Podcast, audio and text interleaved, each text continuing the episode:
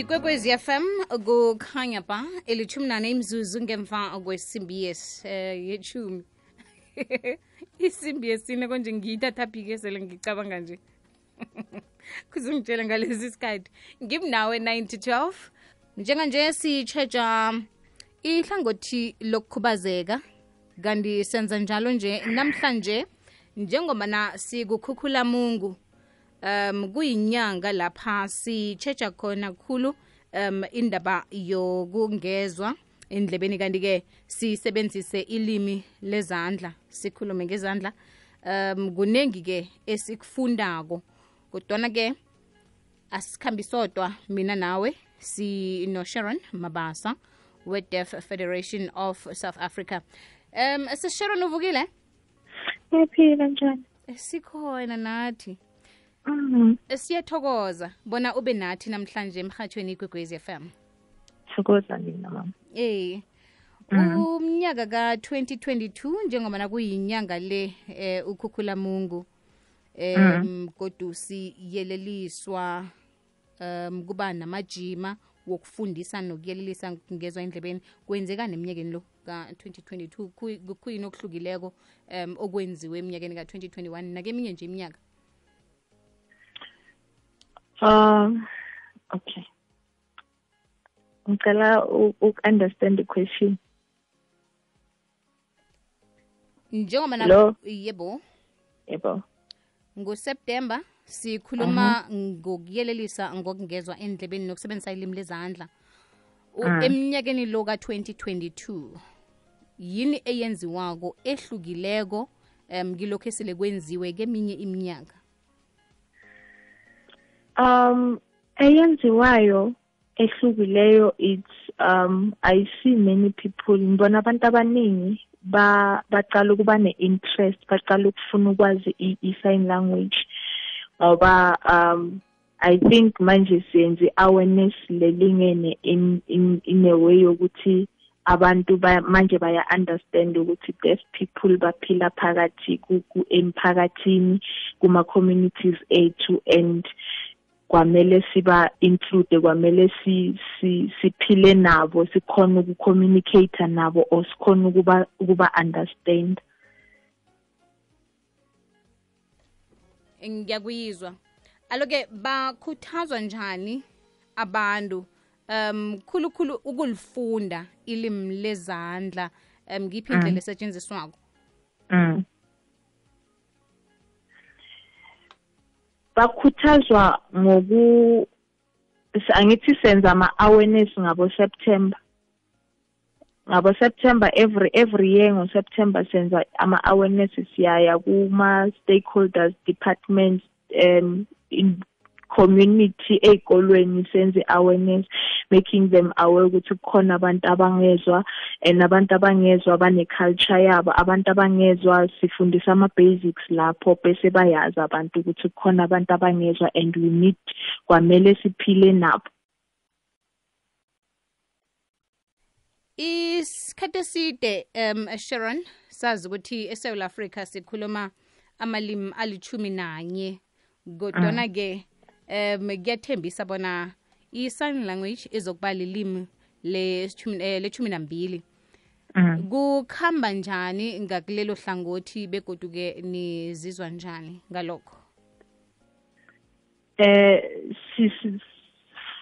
for mina ngizwa kubaluleke kakhulu and ngizwa engathi u- ugovernment uyenza isinqumo esi-right ngokuthi ayenze leli lwimi libe official cause abantwana abaningi noma iy'kolo mangabe izobe official each and every school kuyoba kune bayoyifundisa i-sign language. So wonke umuntu uyokhona uku- uku- ukuyazi i-sign language.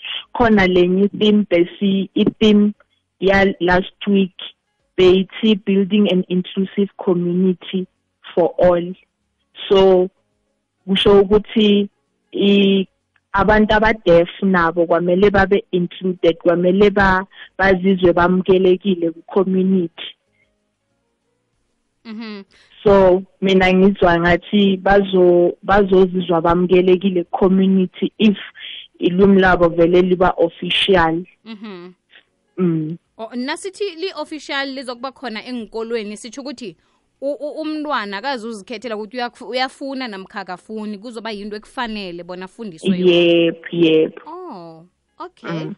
Mm. ukhulume um ngejima lokufundisa namkha nokuyelelisa kokungezwa endlebeni ama-awareness la mm. kwenziwa njani lokho kodwa ngaliphi ilanga ngoseptemba nje eh thina siyenza wonke uSeptember kuya ngokuthi senze kuphi ama-appointments wethu ukwenza lawo ma-awareness lawo.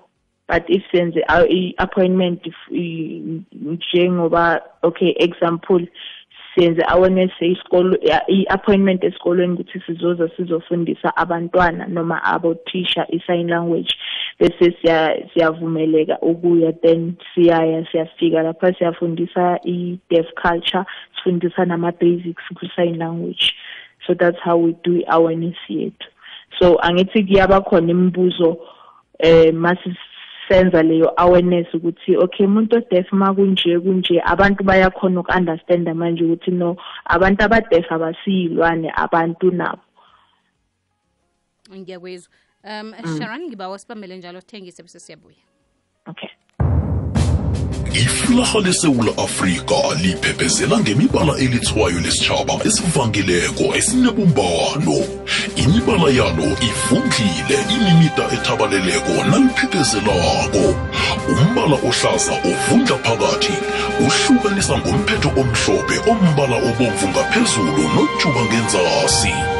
Umbala onzima ovala ithwayo elinguwayi usekelwe mahlangothi mbala orhawuda onguvi hashtag amagugu wethu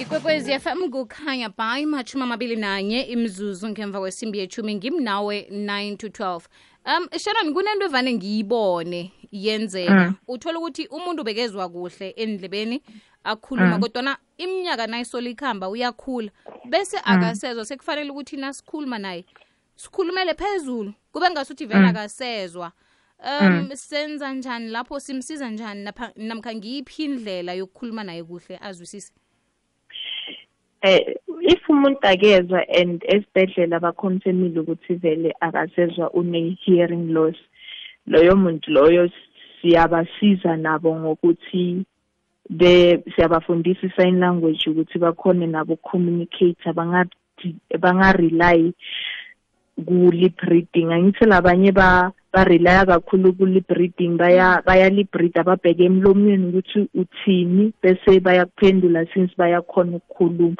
But inkinga ukuthi abezwa Oh, okay. Mm. mm. So thina eDefsa siyayenza ama ama class yaba nawo ama classes walabo abantu abanjalo. Even if vele umuntu uthole hearing loss amdala siyakhona mm. ukuthi sibafundise sign language up until azabona ukuthi right angakhona ukucommunicate nabanye. Oh okay. All right. Mm. Ngoba mm. sikhuluma ngento engenzeka kunanyana ngibani ophila kwephasini nomuntu obelethwe ezwa kuhle endlebeni. Ikhona mm. na indlela yokukhandela ukuthi kungenzeki lokho ngingafiki la ngizithola khona ngingasezwe endlebeni? Um anginalo ulwazi lwaloko but eh ingathi ayikho indlela yokuyivimba leyo nto cause khona abanye ba ba ba baluze i-hearing yabo bebagula oh. so angazi ukugula kuphi because eh khona lenye i-TB ngingayenza i-research bathi khona lenye i-TB angazi bathi MRD leyo TB leyo. If uthathe i-treatment yakhona eh most of the patients abantu abaningi laba bake babanayo leyo TB ekhathini eyiningi bake mabathatha i-treatment after a while bazithola sebangazesezwe endlebeni. So shothi leyo treatment angikhosho ukuthi kwenzakalani ngayo. Oh okay. Ngiyakwizwa Mm. Eh sithe uSeptember um kulapha kuyeleliswa khona ngokungezwa endlebeni. Nangabe mm. ukhona umuntu emphakathini othi naye angathanda ukuzibandakanya emajimeni afana nalayo angenza njani ukuzenzela yedwa emphakathini afundise? Angazihlanganisa njani nani? Eh angasifonela ku 072 750 9748 ngibawa ubuyelela in- inomboro. 072 750 9748 siyathokoza sharon. Sithokoze khulu ngesikhathi sakho nelwazi osabelelwana okay mam ngiyabonga